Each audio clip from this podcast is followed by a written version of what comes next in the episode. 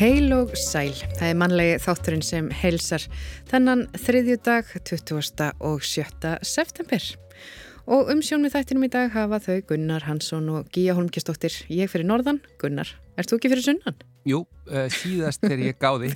síðast eru gáðir? Ég er ekki búin að kíkja nýlega út um gluggan, en, en ég er svo upptekinn af þessari frétt sem var núna áðan um, um þetta með andremuna, hérna kvítlöks andremuna, það sé bara búið að finna lausna þessu. Ég, Já maður hefur auðvitað búin að prófa steinselju og alls konar svo leiðis en það er nú gott að, að vísinda fólk sé að sinna svona alvöru málumnum sko. Stórum málunum, já, ég er sammála En eh, ef við rifjum aðeins upp hvað við gerst á þessum degi, 27. september eh, við stjórnaráðshúsið í Reykjavík eh, var afhjúpaður minnisverði um Kristján níunda konung á amalistegi Kristjáns tíunda eh, semst á þessum degi árið 1915 Stittan sem er eftir Einar Jónsson sínir konung með stjórnarskrána í framréttri hendi og er þarna bara ennþá. Já, og árið 1942 á þessum degi er ríkið lagði niður engasölu sína á bifreiðum sem það hafði haft í einn sjö ár. Já, uh, í Reykjavík mæltist metúrkoma á einum sólarhing 49,2 mm á þessum degi árið 1959 við kannski spurum Elinu Björka eftir hvort að þetta met standaði þá. Og á leiðsenni vesturum haf kom Harold Macmillan fórsetisar á þeirra breyta við á Keflavíkur fljóðvelli á þessum degi árið 1960 og hann rætti við starfsbróðu sinn Ólaf Tors um landhelgismálið. Já og Íslensk flugvel fórst á Mikinesi í Færium á þessum degi árið 1970. Þetta var Fokker Friendship flugvel frá flugfélagi Íslands og voru 30 farþegar um borð auk fjögur að manna áhafnar. Átta fórust þar af einn Íslendingur. Og árið 2006 á þessum degi á bylunu 10 til 15.000 manns gengu mótmælagöngu niður laugaveg til þess að mótmæla stór yðju stefnu ríkistjórnarinnar og þetta voru talin vera fjölmennistu mótmæli á Íslandi frá 24. mæ 1973. Já, svo held ég nú að þetta hafi verið sleið Já. oftar en einu sinni. En uh, yfir í efni þáttarins í dag, uh, þá er spurning, hér varpa ég fram spurningum og hef mm -hmm. fleiri en einni. Lendir þú stundum í því að klóra þér í kollinum á listsýningum eða stýgur þú helst ekki fæti inn á listasafn? Þá ætlum við einmitt að fjalla um viðburð í þættinum í dag sem að gæti einmitt verið fyrir þig. Uh, þar verður meðal annars tekið á vangameldum eins og er þetta list? og ég hefði nú geta gert þetta og það sem fólki dettur í hug. Ég, það eru ábyggilega talsvölda fólki sem hefur alveg fengið svona hugsanir í kollin. Þetta er viðburur á vegum Listasafs Reykjavíkur og þau Markus Þór Andrisson, deildarstjóri síninga og miðlunar og Halla Margrit Jóhannesdóttir, verkefnistjóri miðlunar, verkefnistjóri miðlunar í hásafninu. Ætla að segja okkur meira frá þessu og þessum vangaveldum. Já, sérlega áhugavert. Svo er það Kristín Adalstensdóttir, kennari og fræðimæður. Hún heldur úti vinsalum Facebook-hópi sem já, um brauðbakstur, þar sem hún miðlar af þekkingu sinni. En hún, Kristín, hún hefur nánast aldrei keft brauð úr búð síðan árið 1974. En svo var það um daginn að henni Kristínu var búið að halda fræðslu erindi hér á Amtsbókasafninu á Akureyri um fyrirbæri sem að tengist brauði sterkum böndum sem sagt fræðslu erindi um álegg mm. og við ætlum að skrepa í heimsák til hana Kristínar og fá að vita meira um álegg og ímislegt annað. Já, uh, svo kemur Elin Björk Jónasdóttir til okkar í dag í sitt vikulega veðurspjall og það verður reyndar hennar síðasta í þættinum í byli. En við erum þó alls ekki hægt að ræða veðrið hér í manlega þættinu nema síðu sé þegar við tilkynum meira með það og eftir. En uh, það verður veðspjall með Elinu og við byrjum á tónlist eins og alltaf þetta eru Káká og Björk og laga eftir Haugmórstins og Vilhjálm Guðmundsson og Borg mín Borg.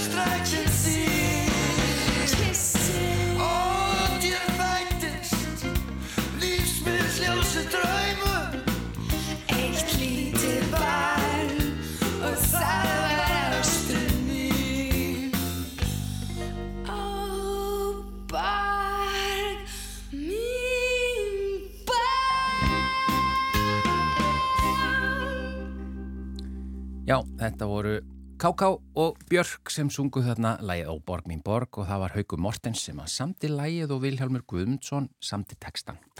En hingað eru komnir góðir gestir, það er Markus Stór Andresson og Halla Margret Jóhannesdóttir dóttir, eh, frá eh, listasafni Reykjavíkur og við ætlum að ræða aðeins viðbur því að eh, það eru ábyggilega mörg sem að hafa hugsað sko á listasýningum eitthvað er já, ég skil þetta nú ekki alveg eh, er, eða þessi frasi, ég hef nú geta gert þetta. Það er þetta list? Það, þannig að þið eru með viðburð fyrir einmitt þetta fólk eða hvað? Velkomin í manlega þáttin Kæra þakki, frábært að fá að vera hérna og deila þessu með okkur við erum sem sagt að reyða á aðið með einhvers konar afþrengur, kvöld skemmtun, stund í safninu sem er kannski aðeins út fyrir normið. Það er að segja, við ætlum að reyna að taka móti fólkinu sem er mitt klóra sér svolítið í kollinum og, og átta sig ekki alveg á hlutunum eða, eða langar bara hreinlega að fá kannski einhverja likla í hendurna til þess að opna þessa dyr sem að standaði mannas luktar, það er að segja samtímalistin, hvernig stendur á því að hún lítur út eins og hún lítur út í dag? Það, hver er aðdraðandina því að hlutinir er eins og þeir eru? Að það verða að bera þetta borð. Og við getum hérna náttúrulega farið í gegnum það með gríðarlega floknum hætti, við getum skrifað doktorsýtgerur um það og við getum hérna, það er lungum máli í útastáttum en við getum líka bara haft skemmt í kvöld og sagt frá því léttum dúr. Mm. Já, við vorum einmitt svolítið svona spá í þetta, þú veist, skemmti kvöld, engin pressa, en þú veist, en hvað er skemmtun? Og ég veit það bara að þegar að, stundu þegar ég fer á góðan fyrirlestur, mm -hmm. það, það er svona kikk, mér finnst æðislega gaman að láta leiða mig og, og sína mér og segja mér eitthvað og ég hef bara, ó já, einmitt og, og, og hérna, og þetta var náttúrulega fyrirlestraformið þótt að við séum nú ekki með kannski, þú veist, við erum ekki með fyrirlestur en, en þetta að deila þekkingu og deila einhverju með, það er gaman. Það er, þú veist, það, það er skemmtun það er skemmtun í því. Já, og já algjörlega. Við erum ekki með trúðan ef við og ekki dúkulili Nei, en þetta er, eh, sko, að því fólki sem að eh, einmitt, sem að finnst kannski að listasýning tala ekki til sín að þau svona býtu, er, er jafnvel verið að tala niður til mín er, af, er þetta svo hámenning að ég bara á ekki einu svona skilja þetta? Ég meina, þið vinnandi í safninu fáið þið oft einhvers konar svona fyrirspurnir eða, eða er þetta bara kannski sem að maður heyrir í fjölskyldubóðum og svo leiðis? Nei, alls ekki. Við, minna, við, ég tek mikið á móti hópum, bæði mm. hérna, íslenskum hópum skólahópum og, og, og svo alls konar ferðamönnum. Mm -hmm og hérna við erum svo heppin að það er verk núna í safninu sem að, sem að er eiginlega í andirinu mm. og það er bara svolítið eins og einhver hafa bara glemt einhverju drasli, við höfum glemt að ganga frá og, og þetta bara eitt og sér uh, fólk gjóðar aðna augunum og Og, og, og svona lítur á hvort annað ég eitthvað, mikið drasleitna eða eitthvað og, mm.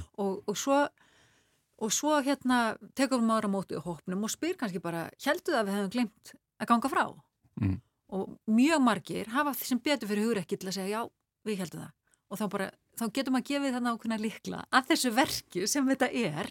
Þetta er eftir Þorvald Þorsteinsson og heitir Ósóttar pandanir og, og um leiðum aður opnar og, og gefur smá svona líkla að þá bara, þá kemur þetta móment aha, ymmit, og þá kemur kikið á, hjá áhörfundanum já, ég, ég skil, ógætti frábært verk.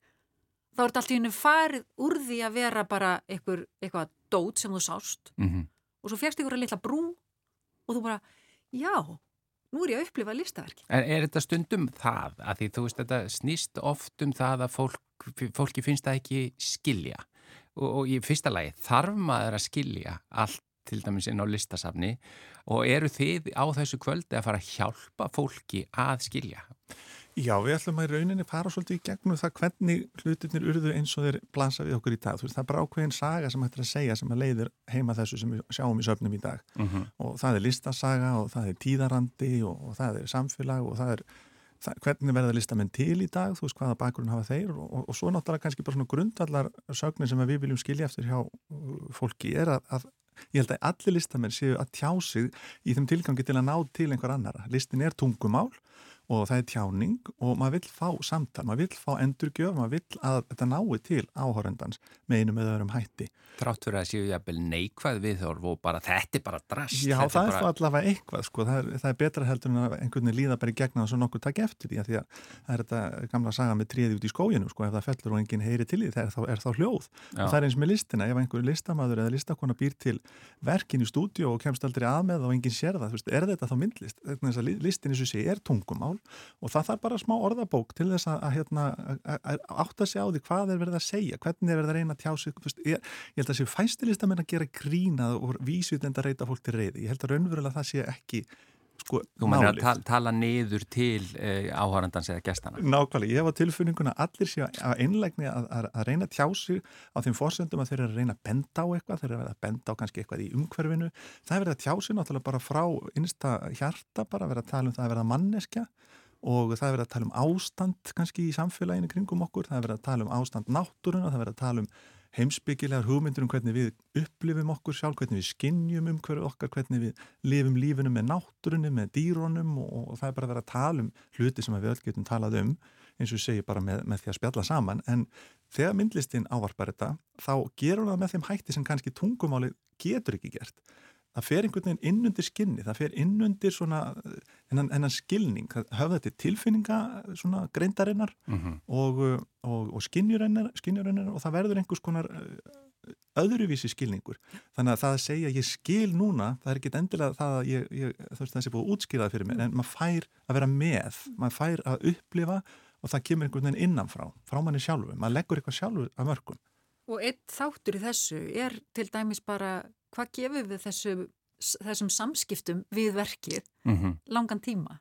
Að því að stundum, og í öllum góðum samskiptum, þá er tíminn gríðarlega mikilvægur og við, og við gefum okkur tíma þegar við þurfum að komast að einhverju og, og tíminn með listaverki, hann, hann skiptir máli, þannig að það í hraða samtímans þá, þá er þetta aldrei gott að átta sig á því að já, ég þarf, eða það, það er ég fæ mikið út úr því að, að, að gefa mig tíma og leifa kannski verkinu að, að vera í samskipti við mig, að því oft bara þá við bara brásum síningar og bara tjuk, tjuk, fram og tökum myndir og eitthvað og þú veist, það er alltaf lægi en það er svolítið gaman þegar maður allt í hennu, þegar að verki lifnar. Já, en svo að því að það hefur sko þegar málaralistin var bara listin eða það er að segja hérna þegar myndlistasýninga voru bara málverk og það var handverkið og vera svo klár og svo bara kemur abstrakt og svo allt í hennu farið að taka bara einhverja hluti sem eru hérna eins og bara pissuskál og hengi upp á vegg í listasafni og það eru listaverk og þá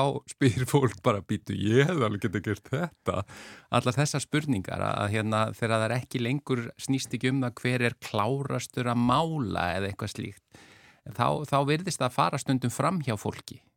Það er nú bara, við getum bara þakka fyrir það með þetta tímin líður og, og, og hlutinni ganga í bylgjum og að einhver leiti kannski ákveðin gleði í því að núna erum við að koma aftur inn á tíma þar sem það er svo mikið þörf fyrir það að sjá handverk og upplifa handverk og, og hjá listamennunum að búa til verk með eigin höndum. Já, kannski við búin að fara í gegnum tímabil þar sem að hlutinni hafa verið svolítið fljótandi mitt, hugmyndafræðin kannski verið ráðandi og og efnið ekki fengið að tala. Og nú erum við að sjá mjög mikið svona comeback af þessu það, er, það eru raunsægis málverk, það eru keramík, það eru útskurður, það er, það er að högva í grjót, það er, það er svona endurkoma og textil í talningum um það, það er svona endurkoma handverksins og það er alveg rétt sem þú segir að fólk hefur einhvern veginn í grunninn betri þekking að finnst að hafa betri þekking á þessu, allavega það tala betur til þess og það tristi sér betur til þess að kommentara það, til þess að eiga þetta samtal við verkið ef það er unnið á þessum fórsendum.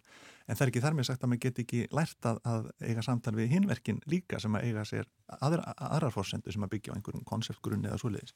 Og ég getur bara að tala um, um fríðasúlu Jóko Óno og, þú veist, það er bara e, mjög gott dæmi um hugmyndalist en það er ekki, fólk stendur ekki gónur á, á súlun og skilur ekki uppni niður. Þetta er auðskilinlegt eins og, eins og hugsast getur. Maður á að hugsa sér frið og, og horfa á súluna og síkrita það að það verði heimsfriður einhvern, einhvern daginn En svo ef að, ef að það verk til dæmis, fyrst þú nefnir það, ef að það myndi ekki heita friðarsúlan, þá er ekkit víst að fólk myndi átt að segja hvað þetta væri. Nei, titillin á verkinu er einn af liklunum já, já. og það er aldrei, stundum fer maður á, á lífsýningar og maður bara les bara titlan og sér allar verki, það getur komið fyrir, en, en það getur verið áhugavert að maður sér verk og, og leifir því að tala til sín og, og spáir sig, já, hvað, hvað, eru ákveðin skilabóð oft í titlinum og það getur líka verið skilabóð í því að listamæðurinn ákveður að láta verki ekki heita neitt án Já. titils. Og ég meina svo er þessi spurning hvort að maður reynlega þurfi að skilja að segja á vitrænan hátt listaverk.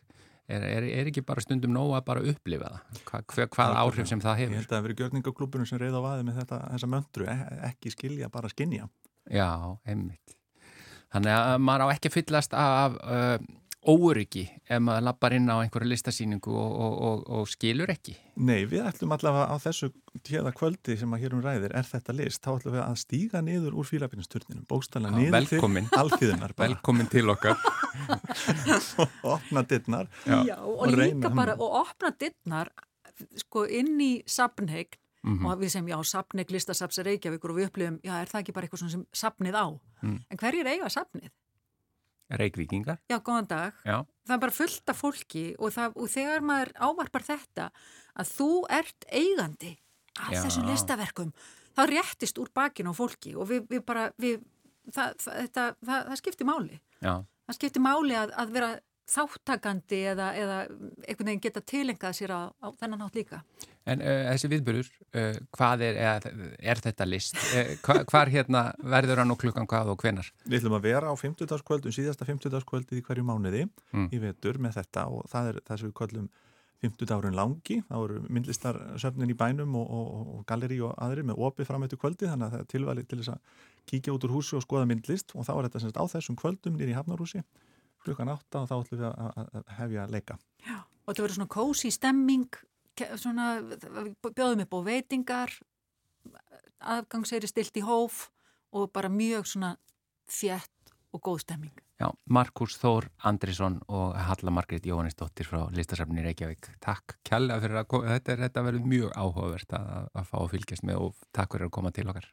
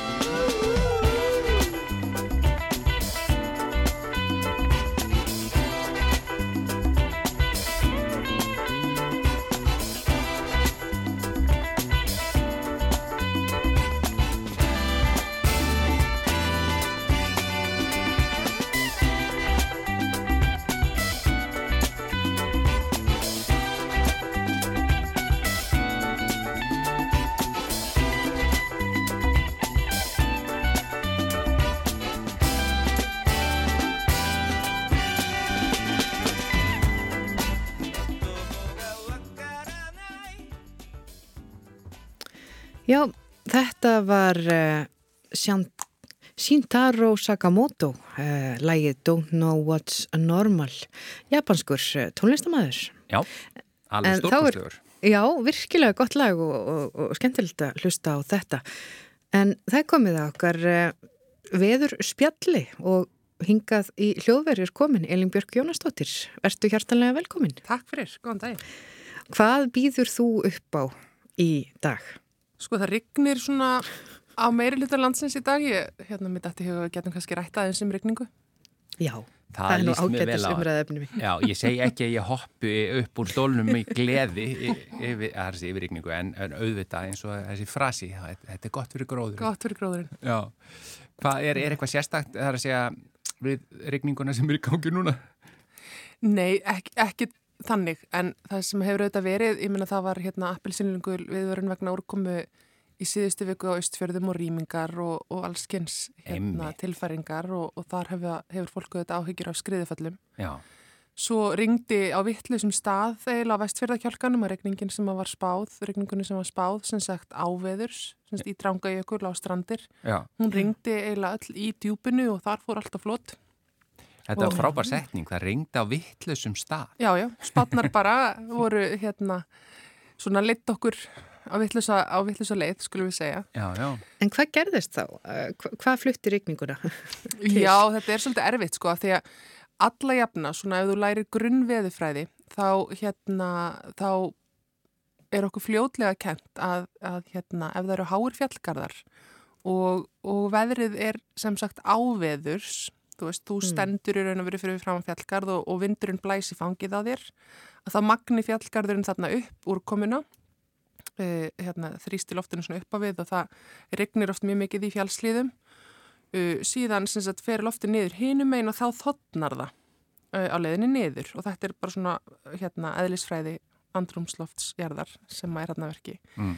Þannig að alla jafna og bara eins og á östfjörðunum í há-austanátt eða öst-norð-austanátt eftir hvernig fyrðinni leggja, rignir lang mest þegar maður stendur einmitt og horfir út fjörðin og fær úrkomuna í fangið.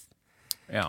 Uh, og það hefði að öllu eðlilegu átt að gerast á, á ströndum líka því áttin var norð-austlæg en það var bara svo mikill raki greinilega í andrumsloftinu og, og strandafjöllin ekki herri og drangajökull ekki herri eða nógu hár til þess að sko ná allir í úrkominni úr andrumsloftinu þarna áveðurs þannig að það ringdi líka rosalega mikið eins og í hérna djúbunu þarna í Reykjanes og í Skeltfanadal þar sem allt fór á flott og svo var líka sagt, afreynsli þá af jöklinum sjálfum.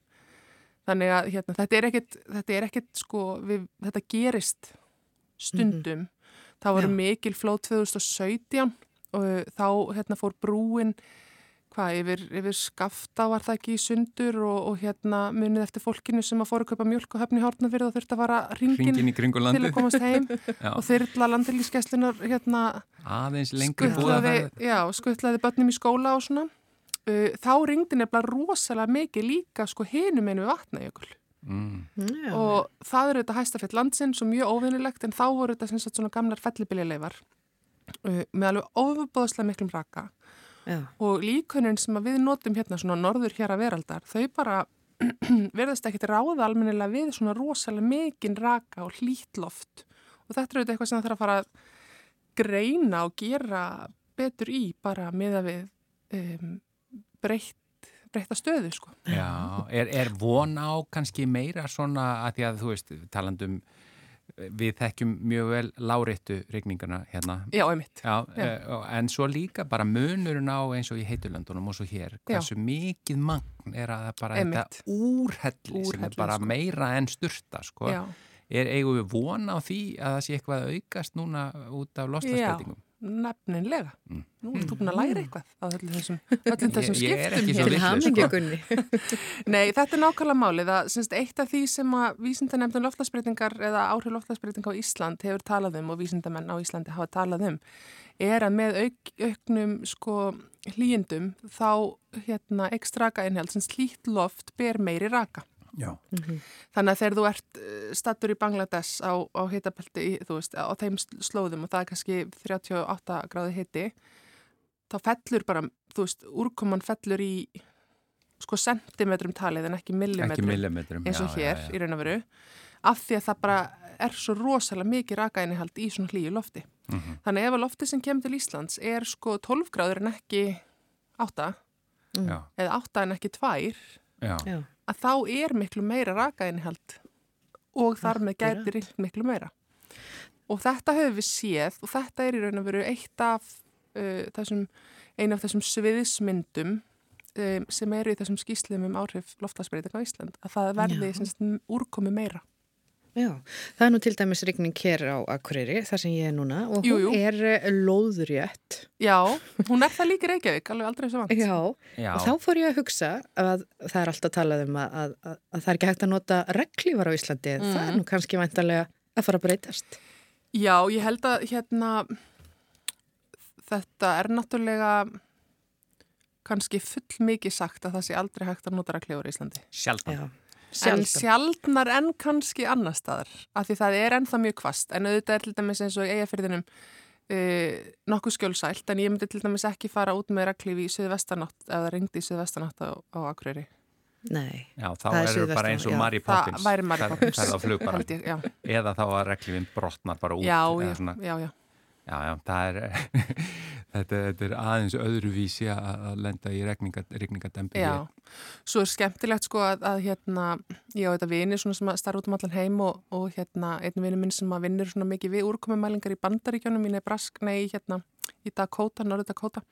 Hann hérna, hann er búin að fara núna hérna vitt og breytt um Ísland og hann auðvitað veðurfræðingurinn sem hann er, skoðar alltaf allar veðuratunastöðar já, og ég fæ ekki myndir frá honum sko af hérna af skýjum eða, eða fjöllum eða, eða honum, þú veist, eða fjölskyldinu heldur af veðuratunastöðum sem hann finnur á ferðum sínum um landið og, og ítrekka það skri- sendir hann mér af hverju eru þið með svona úrkomumæla, af hverju eru þið ekki með hinsegin úrkomumæla sem ná miklu meiri úrkomu svona hinsegin og eitthvað? Og hérna og það er sem sagt mælareitur upp á veðustofu með nokkrum tegundum á úrkomumælum og við erum alltaf að reyna að hérna fanga meiri úrkomu. En þetta er eitt af því sem er svo mikið hérna erfiði að ef að regningin er ekki lóðrétt þá er alltaf vannmatt á hversu mikið já, þá fer það bara fram hjá mælum eða, já, eða, já, já, að því að mælarnir standa bara lóðréttir, þeir eru ekkert einhvern veginn þeim er ekki vísað upp í vindin það er nú kannski eitthvað sko. Það var nú eitthvað, það var kannski En sniðið. hérna, já, þannig að við mælum úrkomi í millimetrum sem að þýðist svo yfir í lítra á fermetra.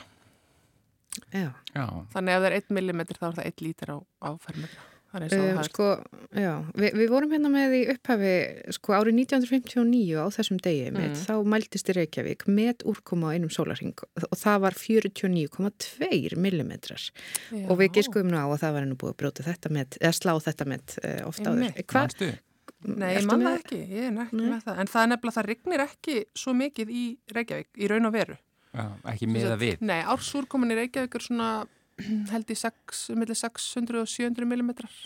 Hildar, Já, þannig að 49,2 mm er svolítið mikið, mikið, á einum sko. sólarring já, já. og er það, ég meina er, er, manstu eitthvað eitthvað viðlíka dæmi í, Sko, nei, en, en mér er mjög minnistætt hérna 17. júni fyrir nokkrum árum síðan þegar kom svona alveg helli dembu skúr, alveg bara ringdi svoleiðis eld og brennisteini Mhm, og þá mældist held í úrkomun sko 10 mm á klukkustund já, og það bara urði fljót hér um allar götur og, og hérna þetta hreinsaðist Arnarhóll og þetta var bara ægilegt. mhm, En þetta er sko klukkustunda úrkoma sem austfyrðingar sjá bara mjög gjarnan ef að það stendur á fyrðina hjá þeim sko. já, já þetta er bara mismunandi Já. hvar, hvar er útstattur og sko úrkomi með þetta fyrir sólarring á kvískerum er sko rúmlega 200 mm á sólarring. Vá, Já, þannig að það, já, já, já, Já, já, já. En þegar maður býr á Indlandi þá svo fyndið að vera veðratunamaður á Íslandi versus einhver annars þar Mhm, og mætast svo einhver tíman sko og stundum hérna og ég hef heyrt sög af því að íslensku veðurfræðingur var að, að gera atvinnur á fljóðlunum í Bergen. Fannst mjög mikil rigning og indverjanum sem stæði við hliðinanum fannst það nú alls ekki. Og hann sagði að þetta er nú bara svona light, light rigning Já, já, en þetta er líka bara, ef ég talaði um snjó hérna, að mér fannst vera mikil snjókoma hér, þá var vinnu minn sem er frá vestfjörðum, hann sagði bara, þetta er ekki snjór. Já, kvamlega Já, það fyrir eftir hvaðan maður er. Já, já, En sko, e, það, þú hefur komið hingað til okkar í Mm. veðurspjallið, í, í bara, þetta er annar veturinn, já, e, en nú e, er mála linni. Það er að segja, Nú, þú, þetta er, þetta er þitt loka veðurspjall hjá okkur í bíli. Já, það er það. Þú ert að, þú ert að fara í nýja vinnu. Já, ég er að, að, að taka mér ársleifi frá veðurstofni og ætla að fara að vinna í umhverfisræðnundinu. Já. Og það er bara svolítið lengra í burtu og, og hérna, og fjallar svona svolítið aðra málaflokka þannig að ég ákvaða að hérna bara einbita mér að því og Við, sko, þú bara gerir það, en við erum ekki hægt að tala um veður því nei, að, að hérna, við þökkum náttúrulega innilega fyrir alla þessa þriðudag og allan hennan fróðleik. Takk sem leiðis. En Einar Svimbjörnsson, sem að fólk ætti nú að þekkja, hann hérna, mun verða hér annan hvern þriðudag. Einmitt. Og þá tökum við, eh, skoðum við hvaða, hvaða hann ætlar að kenna okkur. Að Já, ég held bara að þetta verði hérna mjög skemmtilegt. Ég ætla að það var að hlusta. Elin Björk Jónasdóttir, þakka er fyrir að koma uh, bara í þetta veðspjall í dag og uh, fyrir að hafa verið með okkur alla, öll þessi skipti og bara gangið vel í nýri vinnu. Já, takk. Takk fyrir mig.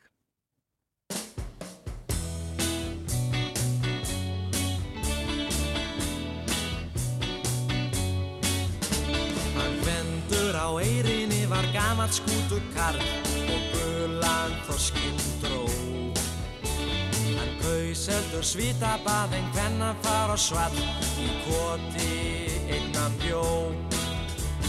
Og aldrei sá skvendur gamli eiðan nokkru fjö og aldrei fekk hann frí. Var döfur að skemta sér og dansbór aldrei stjö en valdi koti sínu í. Hann vann á eirinni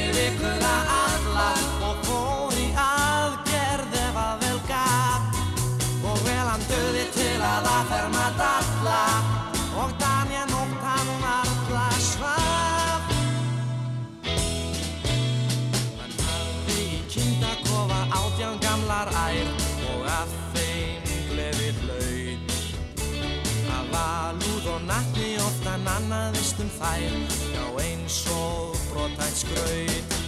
Hann vann á eirinni vikuna alla og fór í aðgerð ef að vel gaf og vel hann döði til að aðferma galla. Og Daniel nótt hann varla svar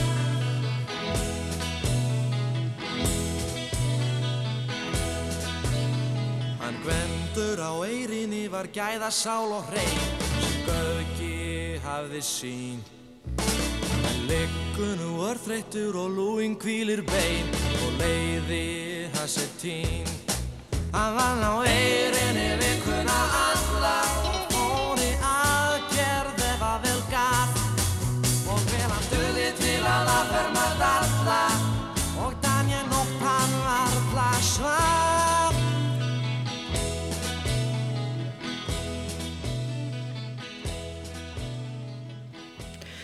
Já, þetta var lagið Gvendur á eirinni í flutningi Dáta, lag og texti Rúnar Snæland Gunnarsson og Þorstein Eggertsson. En þá ætlum við að skreppa í smá heimsókn. Ég komin hinga í heimsókn í innbæin á Akureyri í alveg gullfallegt hús og hér býr Kristín Aðarsteinsdóttir á samt manni sínum. Kristín, þú helst fyrirlestur fræðislu erindi á Amtsbókasafninu um daginn um álegg. Og mér fannst þetta svo ótrúlega skemmtilegt ofur hverstagslegt. Hvernig tala maður um álegg? En við ættum kannski að tala meir um álegg heldur en við gerum. Kom til sæl, Kristín. Sæl. Já, það er alveg rétt hjá þér sko. Það er ekkert sérstaklega talað um álegg í öllu þessu tali um mat endalaust. En það er mjög mikið rætt um mat í, á, á, í útvarpi og hinga og þangað og í blöðum en álegg er matur og gerir í rauninni brauð eða getur gert brauð að, að máltíð mm. og ég nota mikið brauð og ég eins og margir vita er með e, hóp á Facebook sem heitir að baka brauð með Kristínu og um daginn voru komnir 8500 manns í þennan hóp og tími til að fara að lokonum en ég er nú svona að velta því fyrir mér Já. Hvers vegna erstu að velta því fyrir þér? Er þetta árun svona mikil vinna? Nei, þetta er ekki mikil vinna en mér finnst þetta svona e, Nei, mér, þetta er ekki mikil vinna. En, en uh, mér finnst þetta svona viðbót við eitt og annað sem ég er að fást við en ekki meir um það. En uh, álegg er meira en ostur og sylta eða malakoff og eitthvað svona skingur og eitthvað. Já, ég kaupi það aldrei. En, en uh, sem sagt að ég nota brauð stundum sem máltíð með góðu áleggi og þá þarf áleggið að vera gott og uh, vera svolítið matur og ég ger þetta góða brauð sem er orðið landsfrækt sem heitir uh, besta brauðið og það er bara einfalda besta brauðið og með, með, með góða áleggi er þetta máltíð. Hvað er þá svona já, þitt uppáhalds álegg? Áttu þér eitthvað uppáhalds álegg? Nei, raunin ekki. Það eru svona, það er þrent. Það er eh, kjúklingalifrakæfa mm. og það er pesto og það eru bakaðar paprikur. Mm. Og ég ætla kannski að segja þér aðeins frá því að e, já, og hummus sem er bönakæfa. Kjúklingalifrakæfa er búin sem sagt eins og nafnið vísar til úr kjúklingalifur og e, er uh, alveg dásamlega mjúkt og gott og bræðgott og, og áræðanlega holdt og ég veit ekki hvað eh, ég geri það og fristi og á og nota mikið mm -hmm. kjúklingarleifra kæfa hefur aldrei ég hef aldrei fundið hann annar staðar en í hagkaup og núna þegar ég segi frá þessu þá mun hún seljast upp, er það ekki? Alveg pottitt en uh, hún uh, það er svolítið stauta búina til og uh, ég á mjög góða uppskrift á henni sem er inn á þessari síðuminni að baka bröð nú og svo ger ég náttúrulega pesto mm -hmm. ég, ég veit ekki hvað á að kalla pesto á íslensku, veist þú það? Ég held að pesto sé bara orðið ágættis uh, íslenska. Það er nú búið að festa sig í málinu held ég bara. Já, ég held að það veit allir hvað það er. Já, við þurfum að spyrja Eiri Gröggvald það þessu, hvað með hverja mælu með. Já, ég legg það til. En uh, það er úr basilblöðum sem ég hérna rækta, ég sái basilfræjum á vorin og, og á mikið magn og býti pesto á höstin og það dugir allt árið. Já. Þetta eru kannski 20 pottar í tvo mánuði á einhverjum góðum staði í húsinu og úr, úr þessu verður þetta indislega áleg sem er miklu meira en áleg það er hægt að nota pestum á svo margan hátt. Fristur þú svo pestuð? Já, já, ég fristi það. Ég fristi allt. Kjúklingarlifra kæfina fristi ég, það er ekki hægt að bú hana til jafnóðum sko, Nei. það er svona svolítið mói Nei. en mér finnst það aldrei vera neitt vesen, mér finnst þetta mér finnst uh, svo mikil gleði fylgja því að, að, að uh, uh, búa til mat Já og kannski búið til mat eh, svona frá grunni út af því að þetta er þú maður getur farið og keift eh, einhvers konar livrakæfu út í búðin en já. að búa hana til sjálfur er eitthvað aðeins annað saman livrakæfin úr búð og þessa sem að ég gef upp er um, bara heimin og haf mm. það er svo ólíkt, það er svo miklu betra En þú ert búin að segja mig frá pestóinu, þú ert búin að segja mig frá kjúklingalivrakæfinni og svo var eitthvað eitt í viðbútt. Já, hummus, hummus. Já, hummus og, og paprikan líka. Já, ég ætla aðeins að segja frá hummus, sko, það, það er búin, hann er búin til úr kjúklingabönnum og er eh, hérna... Alveg stórkoslega góður og, og hotlur hummusin. Þetta eru kjúklingabönnir og soðnar og svo kvíðlögur sesamþykni eða tahini og olíja og pip, salt og pipar. Þetta er svo einfalt. En gott. Nú en uh, þú nefndir líka þessar bökuðu paprikur. Það var uh, vinkona mín sem bjó á Ítalíu í mörg ár Rosa Kristín sem kendi mér að að búa þetta til og er svakalega gott þá sem sagt sker maður paprikurnar í, í kannski ein, hverja papriku fjóra sneiðar mm -hmm. og reynsar, fræreynsar og, og bakar í mjög heitum opni, svona 250 gráðum eða grillar og svo eru það teknar úr opnunum, álpappir settur yfir plötuna og láti býða í einhverja myndu, kannski hálf tíma og þá er svarta hýðið sem hefur komið við bökununa flísið af sem er, það rennur af og paprikan skorinn í svona fallega strimla, raðað á, á, á fatt og uh, sett yfir ólífóli og sítrunsafi mm -hmm. sem hefur verið þeitt saman. Og þetta krytta ég með tíma í hann úr gardinu mínum. Ég rekta mikið kryttjurtir hérna fyrir ofan hús og ge, svona, ég geimi þetta yfirleitt í sólarhing áður en ég fer að nota þetta. En þetta er hægt að nota svo óskaplega marganhátt og ég hef engan fengi hér, fæ nú mikið gesti sem finnst þetta ekki ég langar að segja unaðslega gott. Þannig er nú það. sem finnst þetta, já það er enginn sem finnst nei, þetta ekki unaðslega gott, nei, þetta hljóma líka bara alveg unaðslega. Já þetta er að það er eitthvað sérstakt við þetta. mm. Líka við að maður sé bara að koma til Ítalíu. Hmm. en þú myndist aðeins á hópin þinn að baka bröð með Kristínu sem er þessi afar vinsæli Facebook hópur um, sko og ég las þar inn á bara núni í morgun að þú hafið ekki eiginlega keift brauð út í búð frá árunnu 1970 og minni mig 6 fjögur, 74 hvað kom til að þú ákast bara að baka alltaf brauð sjálf? Ég ákvaða það ekki. Það var þannig að við fluttum til Noregs þar sem að Hallgrimur, maðurinn minn, fór í framhalsnám og hafði verið þar áður. Og við byggum svo einangrað, skólinn var einn og sér á milli tvekja þorpa og það voru 15 km í hvora átt og þar var smá, í hvoru þorpi var smá búð, annað ekki. Og þar lærði, ég mitt aftur í huga að ég væri bara í svipur, svipari stöð og hún amma minn þegar hún bjóð svínadal hérna upp við Dettifoss.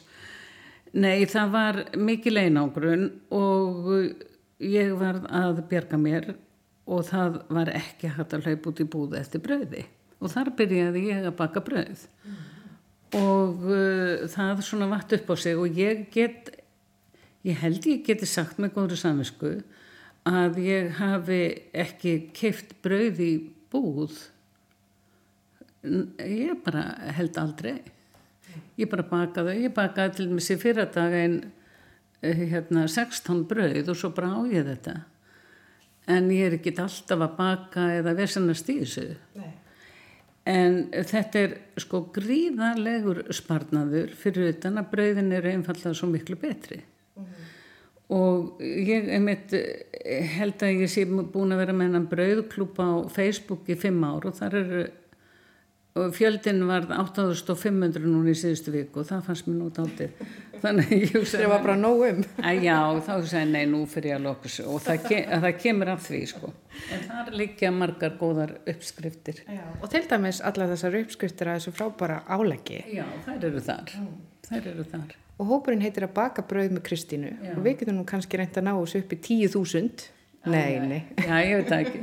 Nei, ég er náttúrulega bara, uh, sko, ætti að vera orðin gömulkona í, í kvíld, en ég finn ekki bent fyrir því, þannig ég hef alltaf nóg fyrir stafni og er þakklátt fyrir það og þakklátt fyrir allt mögulegt. En mér finnst þetta skemmtilegt ef fólki hefur eh, nót fyrir þetta og vill nota þessar uppskriftir og leiðbynningar. Því svara öllum. Já, svarar öllum. Það sem spyrja. Já.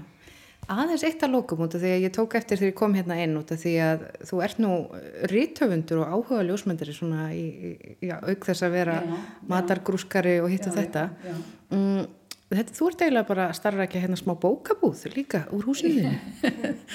Bækundnar uh, sem ég hef unnið að eru nú fyrst og fremst seldar hjá Eymundsson og ég hef haft dásanlegt samstarf við Eymundsson en það kemur fyrir að ég selja eina eina bók hér heima og ég, við vorum að ljúka bók saman ég og Arnór Bliki Hallmundsson sá góði maður og uh, hún heitir Otteri uh, Saga, hús og fólk og hún selst vel. Hún er bara fín þó ég segi sjálf frá. En hún er fróðleg. Já. og þá gekk ég á milli húsa og tók við tölvi fólk og það var alveg sérstaklega ánægilegt mm -hmm. verði nú að segja. Já. og svo fór ég heim og bakaði brauð. Já. Það er nú ágætið staksverk en uh, takk fyrir spjallið hérna um álegg og svo margt annað uh, með, það er þetta hópurinn inn, bröðhópurinn og þú ert að fullu í, í, í, í rittstörfunum líka. Mm. takk fyrir spjallið Kristín Adalsteinsdóttir og takk fyrir að bjóða mér hérna og fallega heimilið ykkar í innbænum og akröri Takk. Fyrir Er ég kem